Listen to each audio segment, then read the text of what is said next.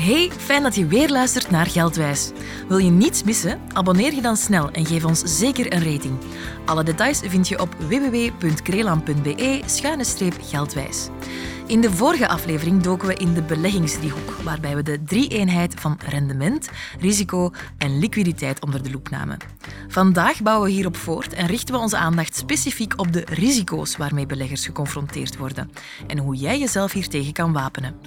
We hebben al enkele keren gesproken over risicobeperking in vorige afleveringen, maar nu duiken we echt in de diepte. Want wie wil er nu niet zijn risico's minimaliseren?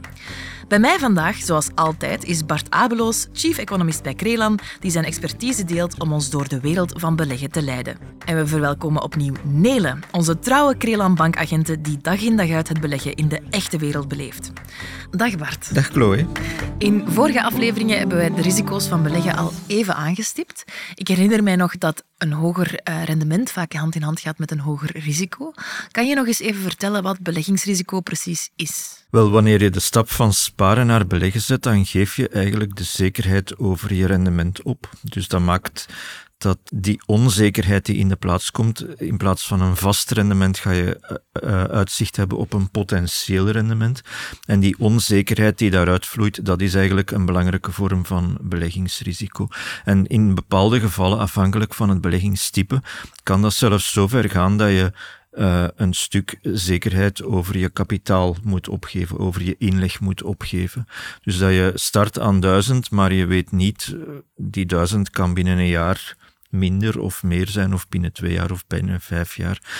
Dat is wat risico heel tastbaar maakt, maar hoe dat, dat risico precies samengesteld is, dat, dat zijn heel veel dingen. Hè. We hebben het uh, vorige keer al gehad over uh, renterisico en bedrijfsrisico, het risico dat een bedrijf waar dat je in belegt uh, failliet gaat.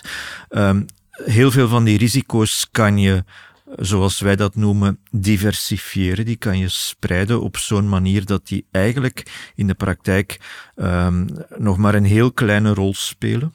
Um, je kan in zodanig veel bedrijven tegelijkertijd beleggen um, dat het uh, bij wijze van spreken niet uitmaakt dat er eentje op de fles gaat. maar sommige risico's zijn moeilijker te diversifiëren of kan je helemaal niet diversifiëren. Dus dat is wat overblijft nadat je alle maatregelen genomen hebt om dat risico goed te beheersen, blijft er toch een bepaald wat wij noemen marktrisico over. Dat is het risico dat de markt in zijn geheel een tijd lang naar, uh, naar beneden gaat. Mm -hmm. Wat we vandaag en gisteren misschien ook nog uh, hebben meegemaakt eigenlijk. Ja, en dat is, uh, dat is een ander element dat je aanhaalt. het risico zie je wanneer je heel vaak naar de beurs kijkt. Je ziet de beurs elke dag bewegen ongeveer twee op de drie dagen stijgt de beurs, maar één op de drie dagen daalt de beurs. Dus als je vaak kijkt, ga je ook veel beweging, veel volatiliteit, veel risico zien en daar kan je nerveus van worden.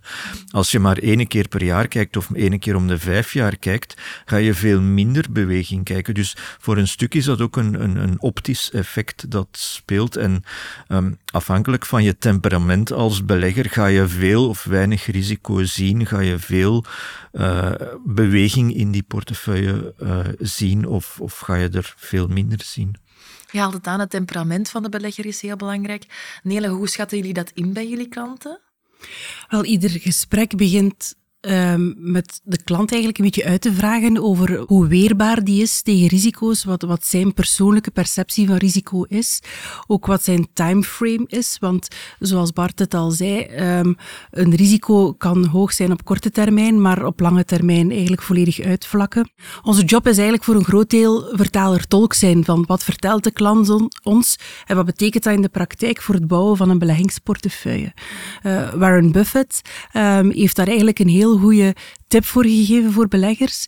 Die zegt, um, one can see who is swimming naked when the tide goes out. Dat wil zeggen dat als het app wordt, kan je zien wie aan het zwemmen is zonder badpak. Um, dat zien we eigenlijk in beleggingsportefeuilles ook. Uh, wanneer alles naar omhoog gaat, is iedereen blij en happy en mee met de stroom. Uh, wanneer het eens wat minder gaat in de economie en de financiële markten, dan kan je zien wie dat er uh, one-trick pony speelt, wie geen goed gespreide portefeuille heeft of wie een beetje te veel doet zelf heeft gedaan. En zoals ik zei, van, het is onze job als adviseur om er altijd te zijn en om, om de klant altijd mee zijn breed perspectief te laten houden. Het is eigen des mensen. We zijn zo geprogrammeerd om te kijken naar het gevaar van het moment. We zijn ergens nog altijd het oerdier die bang is van de leeuw. Ehm, maar wij moeten kijken naar de volledige savanne en naar de einder. En ehm, uiteindelijk schijnt altijd terug de zon. En dat perspectief houden, dat is eigenlijk een van de taken die wij, die wij moeten doen. Je zegt een risico is het, doe het zelf. Wat bedoel je daar precies mee? Um, als we zelf informatie gaan opzoeken op het internet, dat is heel erg gefilterd. Ook media, uh, geen steen naar media, maar die zijn um, altijd zeer negatief ingesteld, want dat uh, lokt lezers. Ik lees zeer weinig het brede perspectief over de beurs mm -hmm. en over het economisch klimaat. Dus als je gaat gaan zoeken naar economisch nieuws en je klikt op slecht nieuws, dan gaan die algoritmes van het internet jou alleen maar slecht nieuws presenteren. En dat is een groot probleem. Dat maakt dat eigenlijk dat de informatie die binnenkomt bij de mensen, zeker degenen die zich beperken tot social media, zeer gekleurd en gefilterd is. Dan verwijs ik eigenlijk terug, ik heb het al eens aangehaald, het begint bij ons onderwijs, dat die kinderen dat moeten aangeleerd krijgen om met een iets kritischere blik te kijken naar de informatie die hen wordt aangereikt. Maar dat geldt evengoed voor volwassenen, want het is zo makkelijk om mee te gaan met wat Instagram en compagnie jou voorschotelen. En wat zijn dan wel goede bronnen als je als, als belegger of als klant bij jullie zegt van ik wil mij ook wel informeren? Of zeggen jullie van, wat Bart, wat jij net aanhaalde, kijk zo min mogelijk naar, naar financieel nieuws en, en laat het aan ons over? Het financieel nieuws um, volgen is, zeker nuttig. Het is uw eigen geld waarmee gewerkt wordt. Dus dat je, dat je het economisch klimaat volgt, is altijd een troef. Um, maar ga in dialoog met, u, met uw adviseur. We hebben bij Kreeland het voorrecht dat wij nog tijd mogen maken om te praten met de mensen. Dat wij ze uitnodigen om te kijken naar een portefeuille. Wat heeft die gedaan? Wij leggen uit waarom heeft die gedaan, wat dat er gebeurd is. Um, zodoende dat er inzicht en begrip is. En dan is er ook al veel minder stress. Als je begrip hebt over wat er gebeurt, ja, dan, ja, in mijn oogpunt heb je dan gewoon minder stress. Risico is ook zo'n containerbegrip dat heel veel verschillende aspecten omvat, maar eh, ja, wij, stellen ons dat voor als één enkel begrip dat je totaal moet mijden. Maar je kan dat niet mijden, je kan alleen kiezen. Of je hebt alleen een beetje controle over welk soort risico's dat je neemt. En er zijn de risico's waaraan dat heel veel mensen denken als het over beleggen gaat, zijn de risico's van koersdaling, van bedrijven die failliet gaan, van beleggingen die uh, ja, waardeloos zouden, zouden worden. Um, en dat zijn ook dingen die heel makkelijk in te beelden zijn en waar dat je, als je effectief belegd bent, ook heel snel uh, ja, feedback gaat over krijgen. Hè. Je, je stapt vandaag in en volgende maand sta je portefeuille 10% lager. Dat is echt heel onmiddellijke feedback dat je ziet en dat is heel... Ja, dat grijpt heel sterk in op je, op je gemoedsrust. En dat zijn dan ook spectaculaire risico's waar wij veel aandacht aan besteden en waar dat we goed moeten mee omgaan als, als adviseurs en als bank. Maar het is niet door die risico's volledig te mijden dat je een risicoloos financieel bestaan leidt, want er bestaan ook andere risico's die veel onzichtbaarder zijn, maar ja, des te uh, schadelijker of des te destructiever op lange termijn. Je zal maar een uh, hardwerkende zelfstandige zijn die later in een woonzorgcentrum terechtkomt. En dan stel je vast dat dat spaarkapitaal waar dat je zo hard voor gewerkt hebt, dat de waarde daarvan, het rendement daarvan, veel minder snel stijgt dan de rusthuisprijzen bijvoorbeeld. Uh, met andere woorden, dat je te weinig rendement op je belegging hebt gehaald. Dat is ook een risico, maar dat is niet iets dat we ons inbeelden op het moment dat we de stap naar beleggen wel of niet gaan, gaan zetten. En op het ogenblik dat je met zo'n risico geconfronteerd wordt, wanneer je zo'n risico ziet uitkomen, dan is het eigenlijk ook al te laat om er iets aan te doen. En bestaan er wel beleggingen die quasi risicovrij zijn? Nee. Als je aan een Belg vraagt wat is een risicovrije belegging, gaat hij zeggen mijn spaarboekje, maar daar is het grootste risico het inflatiemonster dat uw spaarboekje opeet, dat uw koopkracht opeet. Dus is er een belegging zonder risico? Nee, bestaat niet. Er is altijd iets, maar het zijn gewoon verschillende soorten risico's. -hmm.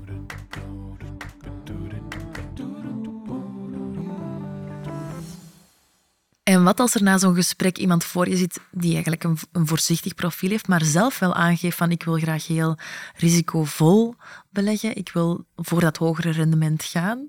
Wat zeggen jullie dan? Nadat we hebben afgetoetst um, of dat die persoon wel degelijk uh, inzicht heeft en, en, toch wel wat kennis heeft over de risico's die je zelf ziet, um, gaan we eigenlijk gaan voorstellen om uh, een keer een teen in het water te steken, noem ik dat. Dat we zeggen, pak nu dat we een portefeuille moeten bouwen van 10.000 euro, gaan we eigenlijk die 8.000 euro voorzichtig gaan beleggen met de producten die we daarvoor hebben. En die 2000 euro, die gaan we dan een keer riskeren van iets actiever te gaan beleggen. Uiteindelijk neem je dan een iets hoger risico met slechts 2000 euro in plaats van 10.000 euro.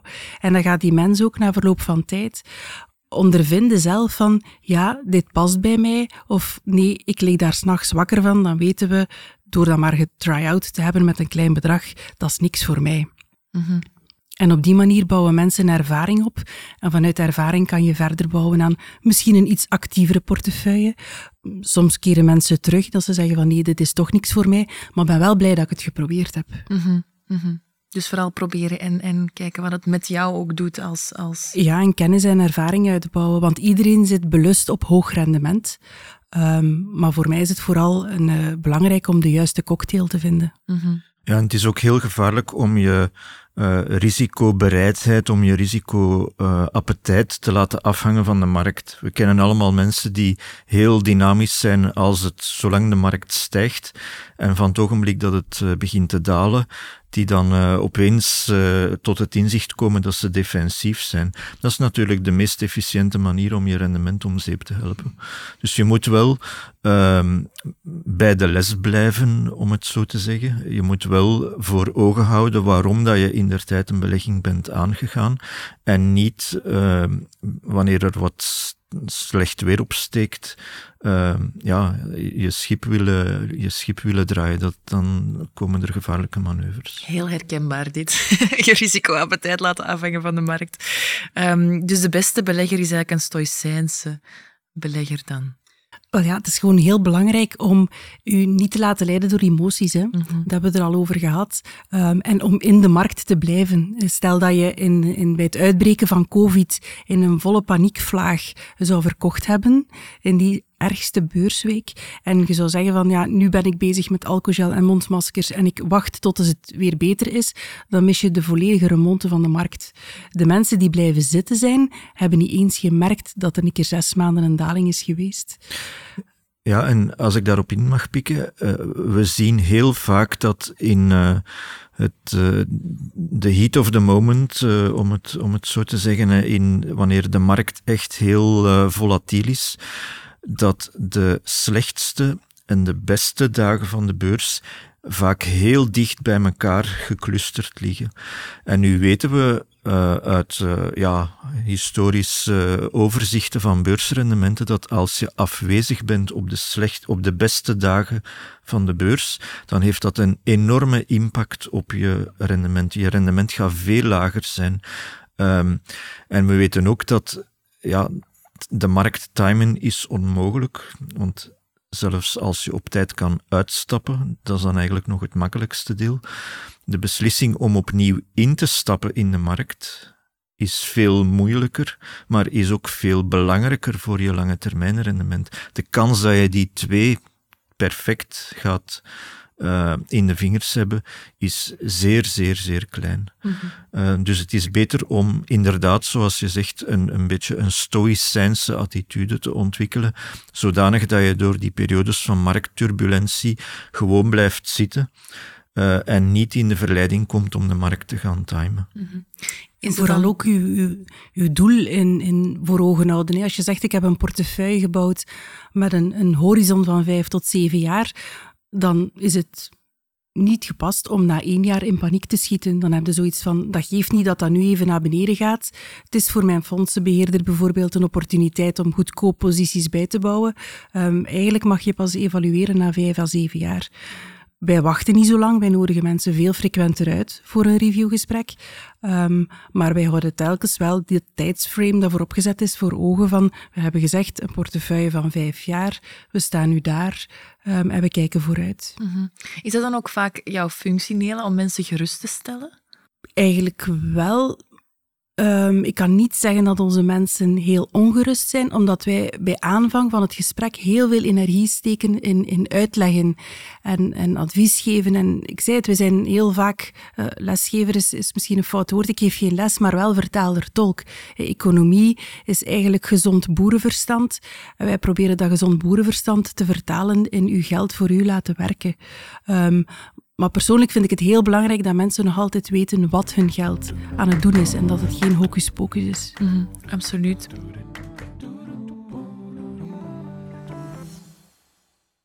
En hoe blijven jullie zelf als, als agenten uh, op de hoogte van alle financiële uh, tendensen, de risico's die er effectief vandaag in de markt zijn? Dat is veel werk. Um, wij volgen heel veel bijscholingen bij verschillende economisten, niet alleen Krelan, maar ook andere bronnen. Wij lezen de financiële pers. Wij kijken naar het nieuws. Wij luisteren naar wat er leeft uh, onder de mensen zelf. Helemaal niet onbelangrijk. We staan met ons voetjes in de modder in de praktijk. Wij komen ook bij bedrijven over de vloer. Krelan is heel actief in de KMO-wereld. Dus als er ergens iets beweegt in de economie, um, ik kan niet zeggen dat wij voorspellers zijn, maar wij voelen het met ons buikgevoel wel aan. En dat is eigenlijk een heel belangrijke, uh, dat wij weten wat er leeft bij de mensen, omdat wij nog altijd tussen de mensen staan. We zijn niet highbrow, um, maar we leven tussen de mensen en vandaar vertrekt ons advies ook eigenlijk.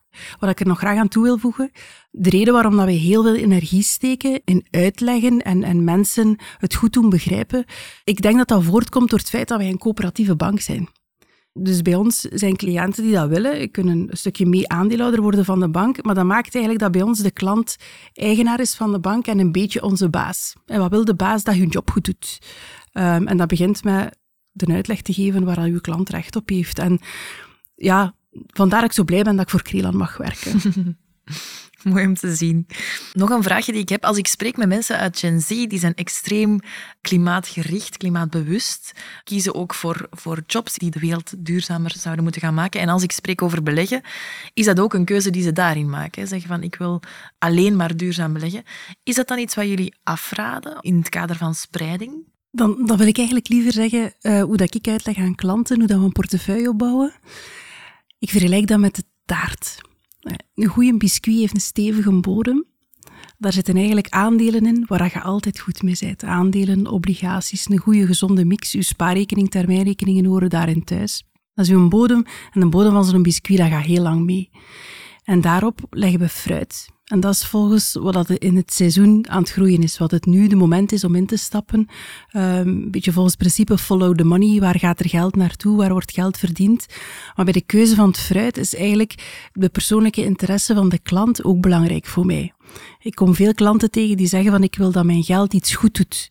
En dan komt dat klimaat wel naar boven. Ik ben daar persoonlijk ook een grote fan van. Ik heb graag dat mijn geld positieve dingen teweeg brengt in de samenleving. We hebben daar een heel uitgebreid aanbod. En dan volg ik eigenlijk de persoonlijke interesses van de klant. En dat is dan ons fruit. Mensen die heel veel risico willen nemen, die leggen slagroom op een taart. Maar iedereen weet, dat kan heel snel zuur worden. Mhm. Heel weinig mensen worden daar gelukkig van. Je moet een heel sterke maag hebben als je zuur slagroom hebt gegeten. Dat is eigenlijk het stukje risico waar we liever van wegblijven. Maar als het gaat over wat kiezen we vandaag van thema's, is het gamma zodanig breed dat we eigenlijk gaan vragen van wat zijn uw interesses. Oké. Ik ben heel blij dat ik hier met jullie dit gesprek heb kunnen hebben over risico, want ik weet dat jullie twee, uh, dat jullie allebei heel veel kennis hebben en dat jullie de juiste personen zijn om hierover mee te praten. Maar ik, tegelijkertijd zie ik ook bijvoorbeeld op mijn Instagram-feed heel veel filmpjes uh, verschijnen van, van uh, mensen op boten die mij van alle rendementen beloven. Hoe scheid ik het kaf van het koren daarin? God, een eerste goede filter is al, um, als het te mooi is om waar te zijn, is het meestal niet waar.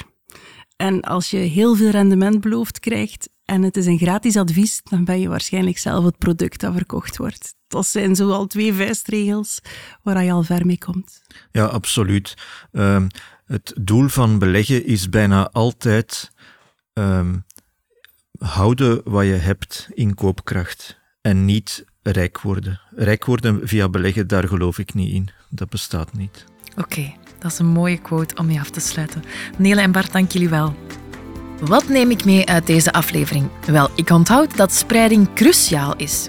Door je investeringen te spreiden over diverse categorieën, geniet je niet alleen van de unieke voordelen van elke categorie, maar wapen je jezelf ook tegen potentiële nadelen. Diversificatie kan helpen om de schommelingen in je portefeuille te stabiliseren. Wil je risico's nog verder minimaliseren?